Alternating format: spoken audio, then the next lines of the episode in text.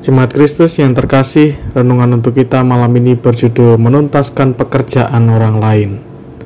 Dan bacaan kita diambil dari 1 Samuel 15 ayat 32 sampai 35. Demikianlah firman Tuhan. Lalu berkatalah Samuel, bahwa kemari Agag, raja Amalek itu. Dengan gembira Agag pergi kepadanya, sebab pikirnya sesungguhnya kepahitan maut telah lewat tapi kata Samuel, seperti pedangmu membuat perempuan-perempuan kehilangan anak, demikianlah ibumu akan kehilangan anak di antara perempuan-perempuan. Sesudah itu Samuel mencincang Agag di hadapan Tuhan di Gilgal. Kemudian Samuel pergi ke Rama, tapi Saul pergi ke rumahnya di Gibea Saul. Sampai hari matinya Samuel tidak melihat Saul lagi. Tapi Samuel berduka cita karena Saul, dan Tuhan menyesal karena ia menjadikan Saul raja atas Israel.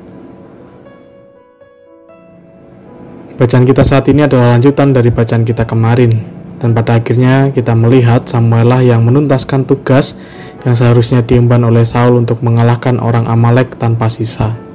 Secara sepintas, apa yang dilakukan oleh Samuel adalah hal yang wajar, mengingat ia adalah hakim bagi bangsa Israel, wakil Allah bagi bangsa Israel.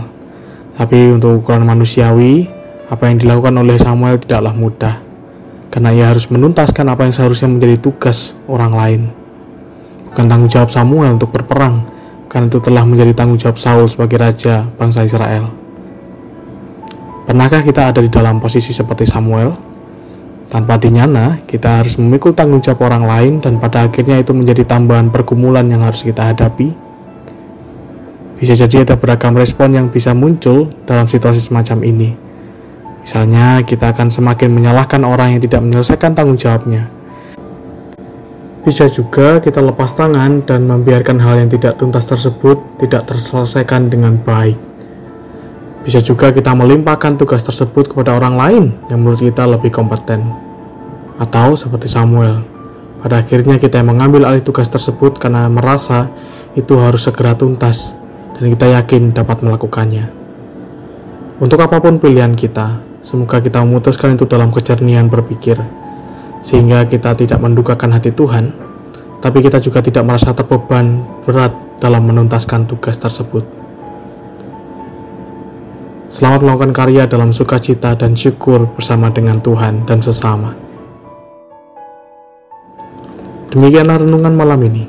Semoga damai sejahtera dari Tuhan Yesus Kristus senantiasa memenuhi hati dan pikiran kita.